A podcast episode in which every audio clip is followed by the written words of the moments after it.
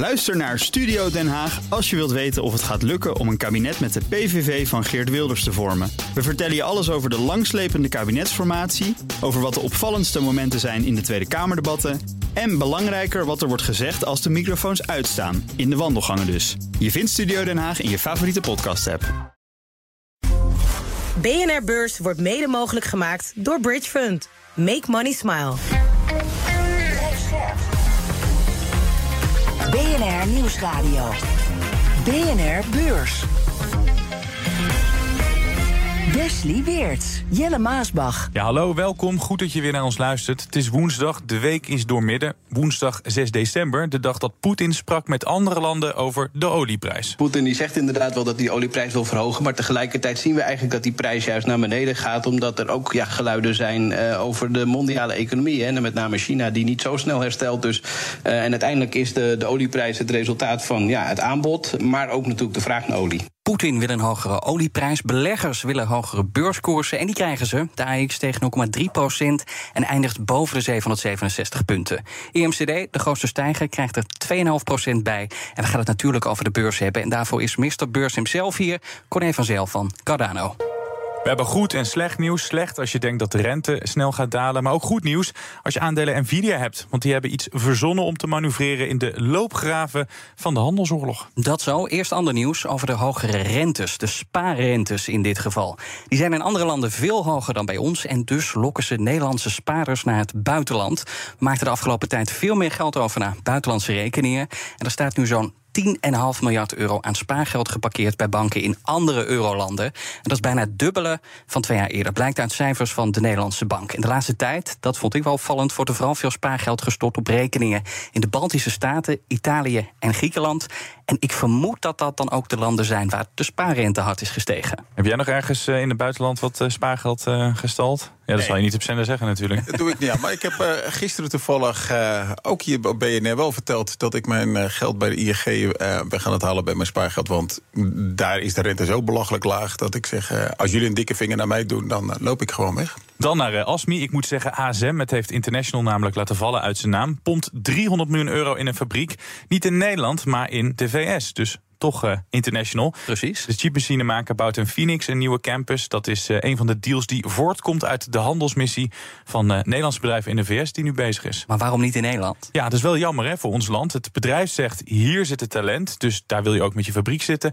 En van de 4500 werknemers zitten er maar zo'n 200 in Nederland.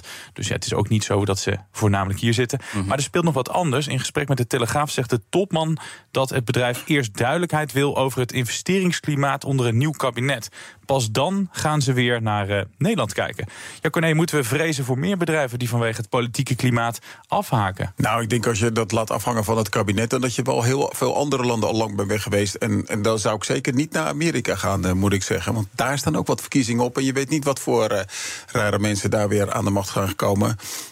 maar het is wel een punt. Je, als je gaat kijken, zeg maar, de grootste partijen die er nu staan um, en wat die in hun programma hebben staan, ja. dan moet je gillend weglopen. Inderdaad, dit is als ze het daadwerkelijk gaan uitvoeren, wat ik niet denk en zeker niet hoop, maar dan wordt dit echt één grote uh, woestijn van bedrijven die heel hard weglopen. Ja, over die uh, handelsmissie gesproken. Morgenmiddag hebben we het erover in, uh, in Wereldveroveraars. Oh, dat maak jij ook, toch? Ja, zeker. Goed programma.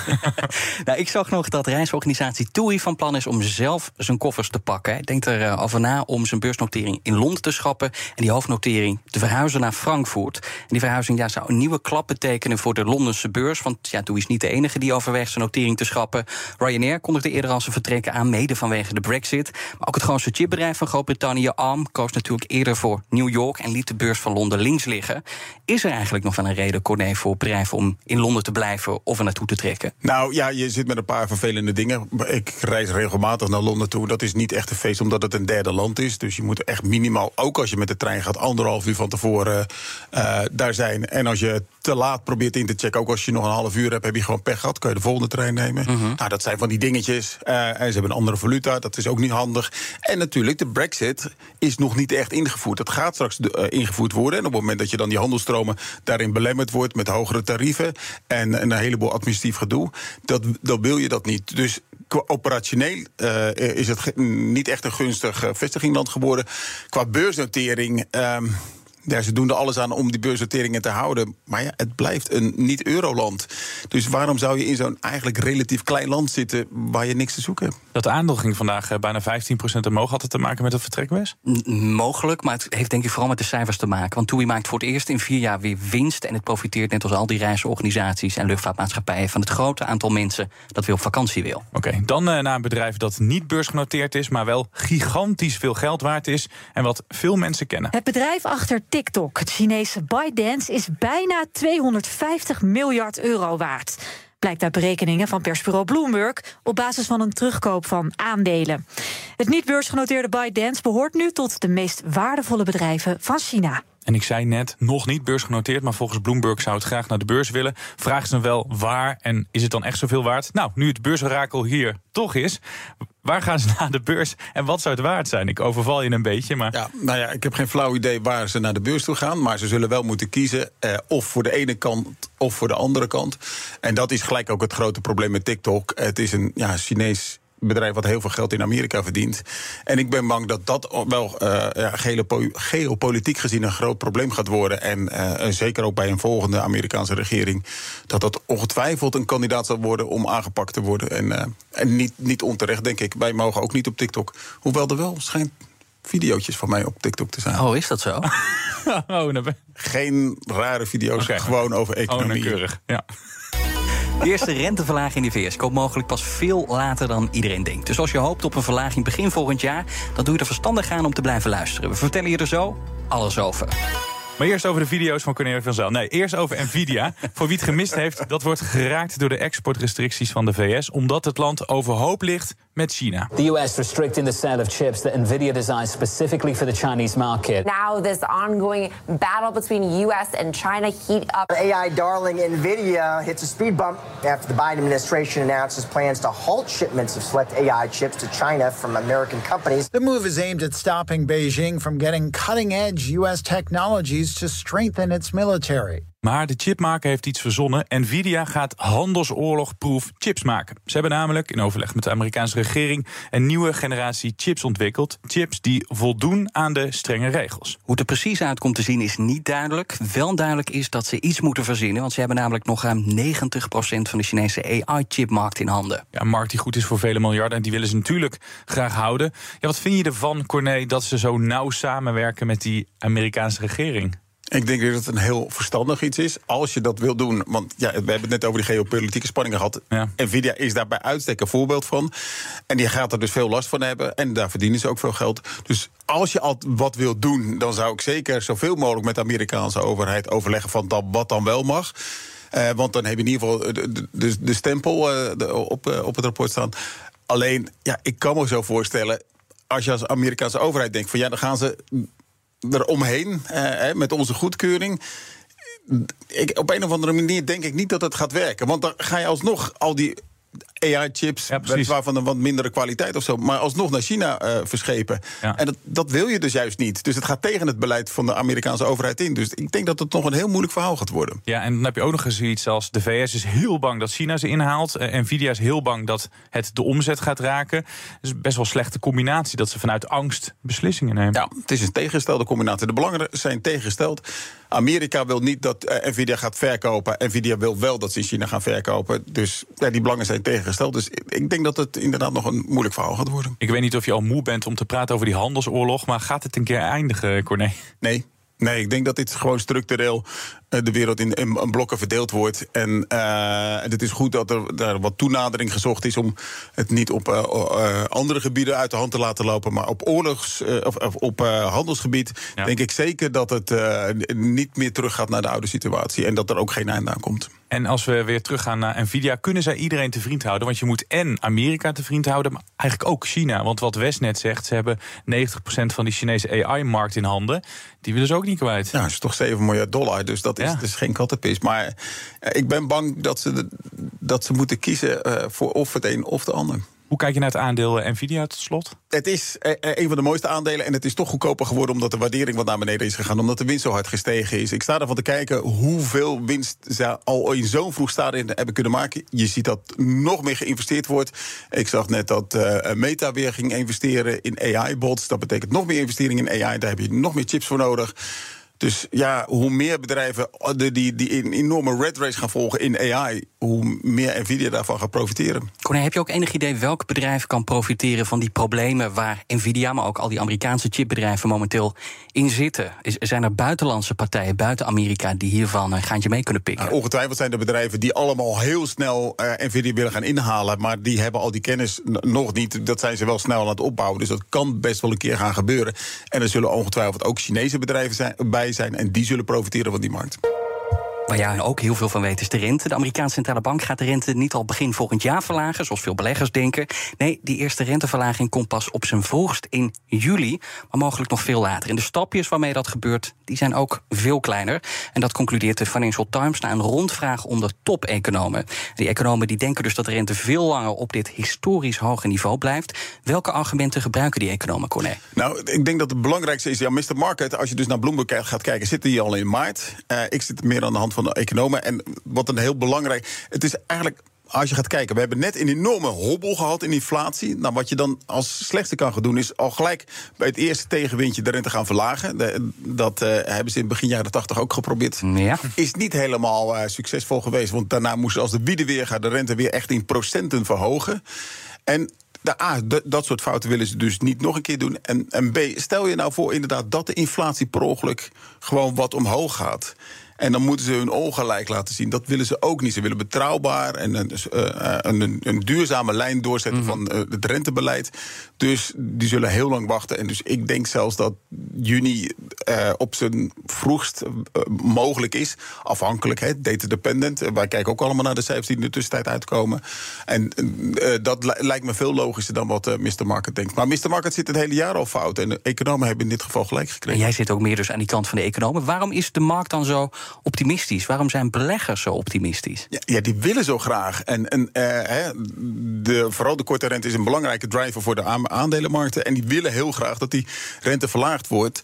Uh, en ze zeggen, ja, straks kan het ook wel. Ja, ik zie inderdaad dat er in, meevallende inflatiecijfers geweest over de afgelopen maand, anderhalve maand. En dat is denk ik de belangrijkste reden waarom die rente ook zo hard naar beneden gegaan is. Ook op, op de obligatiemarkt. die is van 5 naar 4,1 procent gegaan uh, vanmiddag. Dus dat is echt een in, in anderhalve maand tijd. Dat is echt een serieuze rentedaling. Maar ik denk dat dat allemaal wel wat voorbarig is. Ja, de inflatie valt nu even mee. Maar voor hetzelfde geld valt die over de komende maanden weer een beetje tegen. En dan, dan staat iedereen weer te gillen aan de andere kant. En Jerome Powell is natuurlijk de baas van de Fed, de Amerikaanse centrale bank. Hij moet aan verwachtingsmanagement doen. Wat valt hem aan te rekenen, nu die markt zo optimistisch is? Nou ja, god, als de, ik zou zeggen, hij schreeuwt hard genoeg, maar als de markt niet wil luisteren, dat moet de markt weten. Zitten met de handen in de oren. Ja, heel duidelijk wel. Tot slot, want je maakt ook een beleggingsstrategie, ook voor de korte termijn. Als die rente dan inderdaad, die eerste renteverlaging, toch langer op zich laat wachten, wat betekent dat dan voor die beleggingsstrategie die je, die je maakt? Stel je bijvoorbeeld bepaalde aankopen uit? Nee, uh, wat je denk ik wel moet doen, is. Dat is een van de drivers van de aandelenmarkt geweest. Dus, uh, en als uh, dat weggaat en als de, met name de korte rente weer omhoog, maar ook de lange rente weer wat omhoog, omdat toch duidelijk wordt. En misschien wordt het komende week al duidelijk. Hè, volgende week uh, heb je weer een, een vetvergadering. En als uh, Powell dan opnieuw zegt: ja, we gaan echt niks doen. En dit zijn onze verwachtingen. En sowieso gaan we het aanpakken. Dus we wachten voorlopig nog met die rentedaling. Dat het realisme weer wat terugkomt. En dan ook waarschijnlijk de realisme in de obligatiemarkt en in de aandelenmarkt. Ja, want uh, vrijdag hebben we dus dat uh, arbeidsmarktrapport. is dat hetgene wat nog de boel op de schop kan gooien? Ik verwacht niet dat het payroll report zoveel impact zou hebben. BNR Beurs. We hebben het de hele tijd over die Amerikanen. Nou, laten we eens gaan uh, buurt op Wall Street. Dow Jones staat onveranderd. De S&P 500 er staat een tiende van een procent in de min. En de Nasdaq staat uh, onveranderd. Ja, laten we beginnen met uh, de FTC, de Amerikaanse concurrentiewaakhond. Die onderzoekt namelijk de overname van Pioneer door ExxonMobil. Dat is die overname die een paar weken geleden werd aangekondigd. Exxon betaalt bijna 60 miljard dollar. De duurste overname voor het bedrijf in meer dan twee decennia. Door die aankoop is Exxon verzekerd van minstens tien jaar lang goedkope olieproductie. Maar de toezichthouder heeft uh, aanvullende informatie over de overname nodig. Wat voor informatie precies nodig is, dat is niet duidelijk. Mhm. Maar ja, ze blijven allebei die eh, bedrijven vasthouden aan hun deadline. De overname die moet in de eerste helft van volgend jaar worden afgerond. En ik zie dat allebei de koersen toch al naar beneden gaan. Dus beleggers die zijn toch misschien wel een beetje bang. En je had het net al over dat belangrijke banenrapport dat op vrijdag uitkomt. We hebben een voorproefje inmiddels van loonstrookverwerker ADP. kwam met een rapport over de private sector. En daar is de werkgelegenheid minder hard gestegen dan verwacht. Het aantal banen nam vorige maand met 103.000 toe, terwijl er op 130.000 was gerekend. De arbeidsmarkt koelt dus duidelijk af. En dat kan voor de Fed dan weer reden zijn om de rente sneller te verlagen.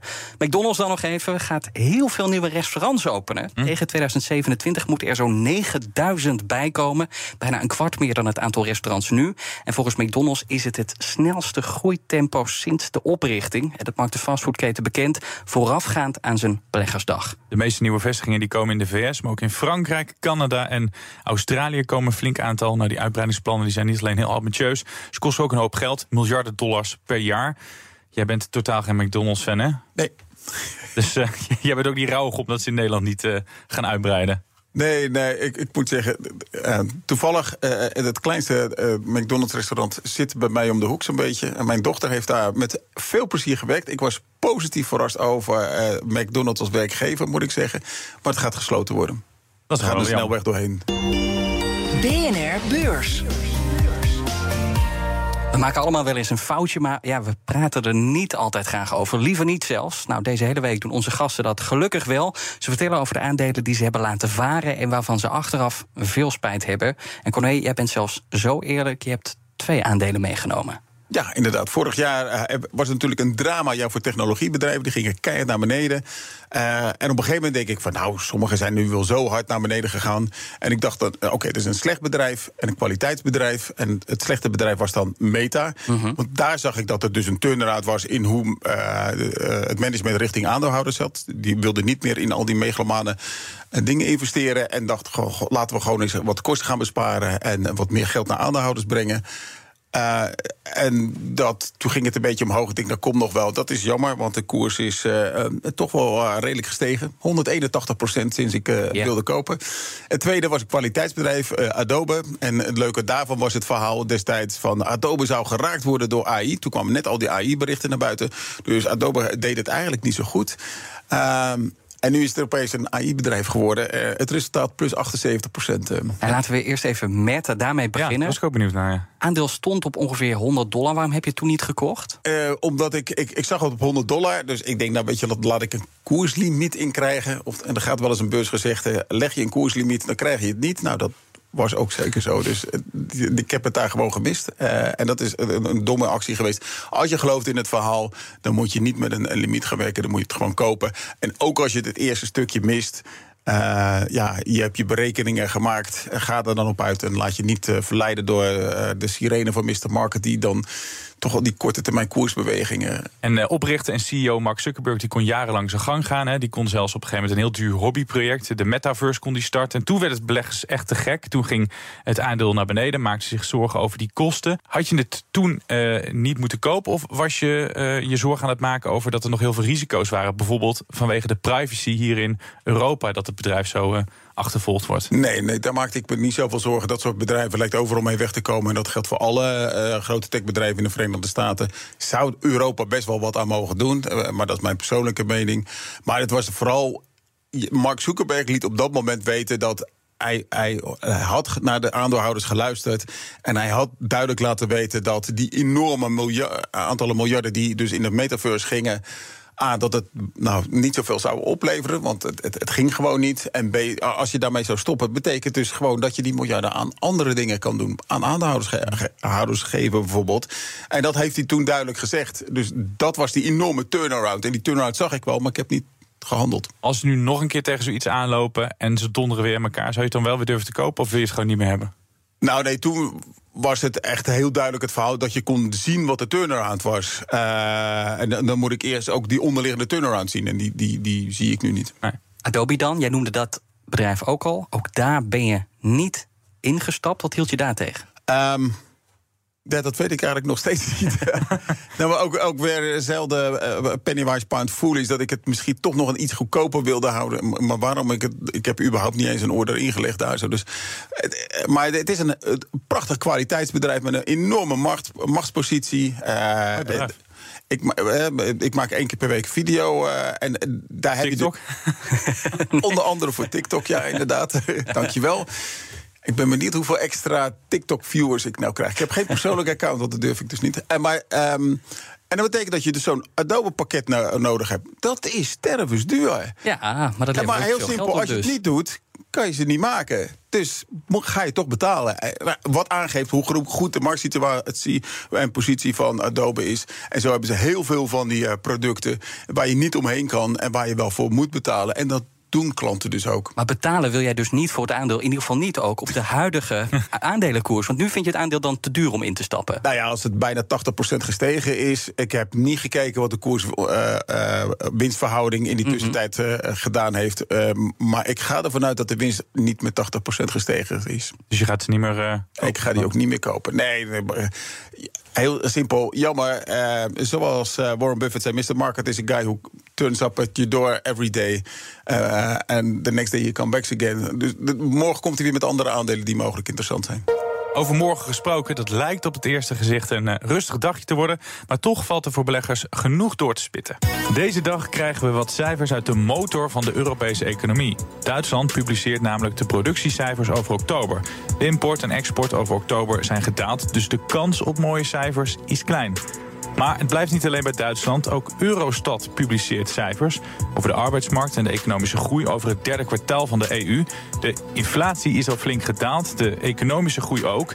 En Christine Lagarde en collega's die hopen dat dat doorzet. Dit was de BNR-beurs van woensdag 6 december... waarin we het hadden over Nvidia. Ze hebben een slimmigheidje bedacht... waarmee ze de Chinese exportverbod kunnen omzeilen. Ook hadden we het over een teleurstelling voor de luisteraars... in ieder geval voor de luisteraars die hoopten op een snelle renteverlaging. Want die komt er niet, voorlopig in ieder geval niet. En wat er voorlopig ook niet komt, is een nieuwe ASMI-fabriek in Nederland... want ze investeren liever in het Amerikaanse Phoenix. We danken Corné van Zijl van Cardano. En ja, geef dan maar even door waar die eh, mensen je op TikTok eh, kunnen vinden. Maak dan maar gewoon reclame. Dat weet hij zelf niet, denk ik. dat wordt voor me gedaan. Mijn zoon heeft het allemaal pri- prima geregeld. Ik durf zelf helemaal niet op TikTok. Zoek op zoon Corné van Zijl en dan kom je er wel, denk ik. Fijn dat je er weer was en eh, wij zijn er morgen weer, hè? Zeker, morgen zijn we er weer. Tot dan. BNR Beurs wordt mede mogelijk gemaakt door Bridge Fund. Make money smile. Bij BNR ben je altijd als eerste op de hoogte van het laatste nieuws. Luister dagelijks live via internet. Bas van Werven. En heel langzaam komt de zon op rond dit tijdstip. Je krijgt inzicht in de dag die komt op BNR, het Binnenhof in Nederland en de rest van de wereld. De Ochtendspits. Voor de beste start van je werkdag. Blijf scherp en mis niets.